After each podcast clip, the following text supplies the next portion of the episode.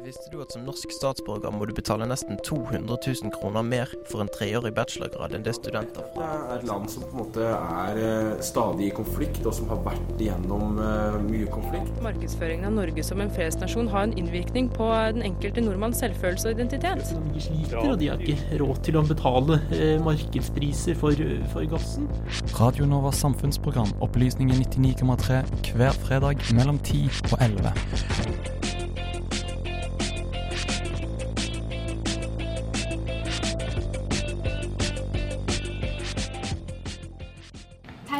Terrorangrepene på Sri Lanka 21.4.2019 var en serie eksplosjoner og selvmordsangrep som tok livet av ca.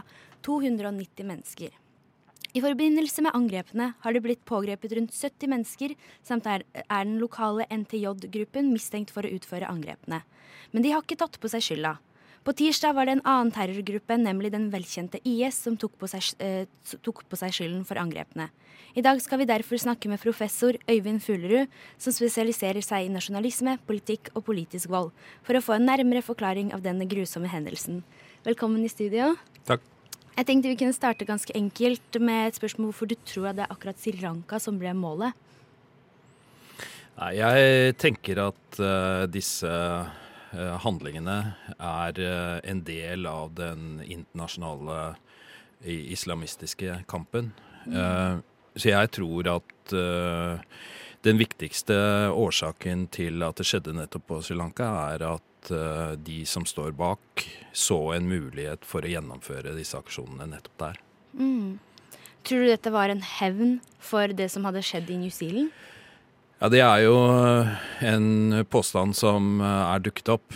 Jeg har vanskelig for å tro uh, at det er det, i den forstand Eller hvis man med det mener at dette først ble planlagt etter at disse tingene på, på, New Zealand skjedde, det har jeg liten tro på. Disse angrepene på Sri Lanka de er så omfattende og så koordinerte at jeg tror uh, de må ha hatt en lengre planleggingshorisont. Uh, så jeg tror at de, denne påstanden om at dette er en hevn for New Zealand-aksjonene, er noe som er dukket opp i ettertid, eller blir brukt da, som en begrunnelse for disse angrepene. Mer enn at det er en årsak, hvis du skjønner hva jeg mener. Mm. For også på tirsdag så ble det sagt at IS tok på seg skylda. Har du noen tanker rundt det?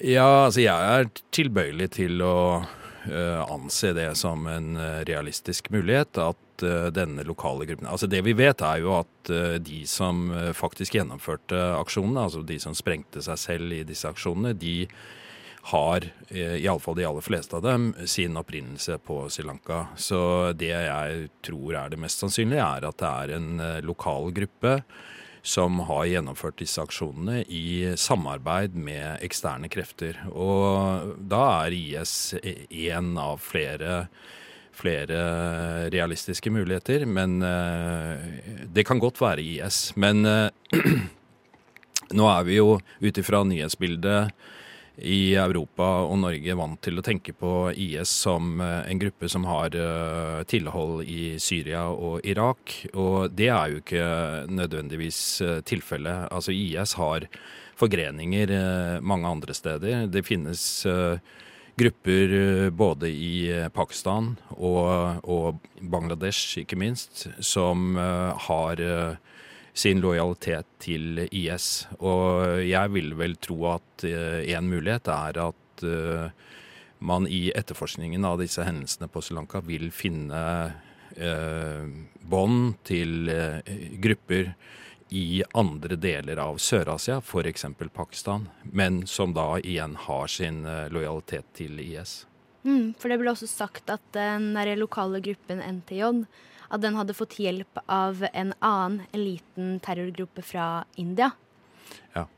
Og det er Altså, jeg altså, Når man begynner å se på det, ikke sant, så er, så er dette terrorlandskapet uh, veldig komplekst og veldig sammensatt. Og det, det finnes uh, grupper og forgreninger ikke sant, som samarbeider på tvers av landegrenser. Og det er jo i og for seg naturlig i den forstand at øh, den internasjonale islamistbevegelsen, ekstreme islamistbevegelsen, hvis man kan kalle det det, er jo ikke veldig opptatt av landegrenser. ikke sant? De ser sin kamp som en, eh, som en global eh, kamp eh, mellom islam og, og andre. Og sånn sett så, så, kan det være mange bånd og kryssende bånd eh, mellom og, Altså vennskapelige bånd eh, og bånd av, av, samarbeid og, og planlegging osv. som går på kryss og tvers uh, i store deler av verden. Men, uh, men, det som er kjent, som du er inne på, er jo at både i India og som sagt i andre deler av Sør-Asia så finnes det grupper som, som har sverget lojalitet til IS. Jeg tenker også i og for seg at det bildematerialet som er lagt fram, av disse folkene som har gjennomført dette, tyder på at denne forbindelsen til IS er reell. Så jeg anser absolutt det som en mulighet. Så du vil si 100% at dette var en religiøs handling? At det her var liksom I og med at det var katolske kirken som ble ramma, at dette var en Altså Ja, altså jeg, jeg ser ikke på dette som uh, som et angrep eh, primært på, på katolikker på Sri Lanka. Det tror jeg er en, en forenkling. Eh, jeg tror at man kan tenke seg to gode grunner til at nettopp disse målene ble pekt ut på Sri Lanka. Og det ene er jo at, at katolikkene på Sri Lanka er lokalt ansett for å være hva skal jeg si, et, altså, ha en vestlig forbindelse. Um, sant, Katolisismen på Sri Lanka ble innført uh, av, av kolonimaktene, vestlige kolonimakter, spesielt den portugisiske. da, og, og, sånn sett så er katolikkene ofte på Sri Lanka forstått som en del av, eller bærere av, vestlig kultur. Og den andre grunnen er selvfølgelig at katolske kirker på, i påsken er jo et sted hvor mange mennesker er samlet. Så, så, hvis man først ønsker å ramme flest mulig, så er jo disse kirkene et egnet mål, da, for å si det på den måten. Um, ja. Og så er det gjort klart at ti dager før angrepene så advarte øverste politiorgan landets sikkerhetstjeneste og forsvarsdepartement om at en lite kjent islamist gruppe som jeg akkurat har nevnt om, eh, planla selvmordsangrep mot kirker. Men ikke noe ble gjort. Hva tenker du om dette?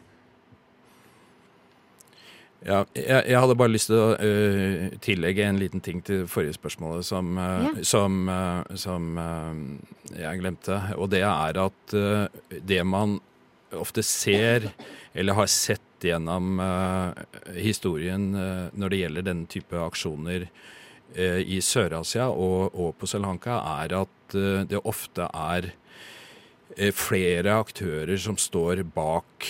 Ikke sant? Sånn at det, det, det, kan ikke utelukkes at at disse gruppene som har samarbeidet eller har gjennomført disse aksjonene, igjen har fått mer eller mindre aktiv bistand, også fra andre mer politisk eh, motiverte aktører. Altså for, for å være litt mer konkret, ikke sant, så, så er det jo kjent at eh, den tamilske frigjøringsbevegelsen, som var en krigførende part på Sri Lanka gjennom 30 år, den hadde jo i lange perioder bistand eh, fra, den, fra, fra, det indiske eh, etterretningsapparatet. Eh, ikke sant? Og på tilsvarende måte så går det jo spekulasjoner nå om at det kan være kan være støttespillere bak Eh, disse organisasjonene innenfor eh, f.eks. det pakistanske eller det indiske etterretningsapparatet.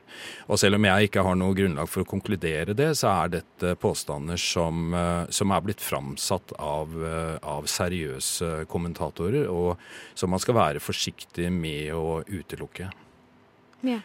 Og nå har jeg glemt uh, det spørsmålet du stilte etterpå. jeg kan komme med det nå. Altså, jeg sa at uh, ti dager før angrepene Ja, nettopp. Ja, det altså, uh, dette dette er jo Altså, det, det, det, som er situasjonen, er at det politiske bildet på Sri Lanka er preget av av veldig sterke motsetninger mellom presidenten og, og statsministeren. Um, som tilhører uh, ulike uh, partier. Og uh, altså lov- og ordensapparatet er, og i og for seg også det militære apparatet, er underlagt presidentens myndighet, slik som situasjonen er nå. Og det som er blitt framsatt er jo, av påstander, er jo da at disse meldingene om, om kommende terroraksjoner ikke nådde fram til rette vedkommende pga. disse hva skal jeg si, motsetningene mellom, mellom, ulike politiske aktører på Sri Lanka. Og, og det, det, er absolutt en mulighet for at det er tilfellet. Det er vel i grunnen det som er å si om det. De, de myndighetene på Sri Lanka har på en måte erkjent at at dette er skjedd, at kommunikasjonen ikke har vært slik som den burde ha vært. Mm, men hvordan tror du at to veldig viktige mennesker i Sri Lanka, både presidenten og statsministeren, ikke er i samspill? Hvordan tror du det kan påvirke landet?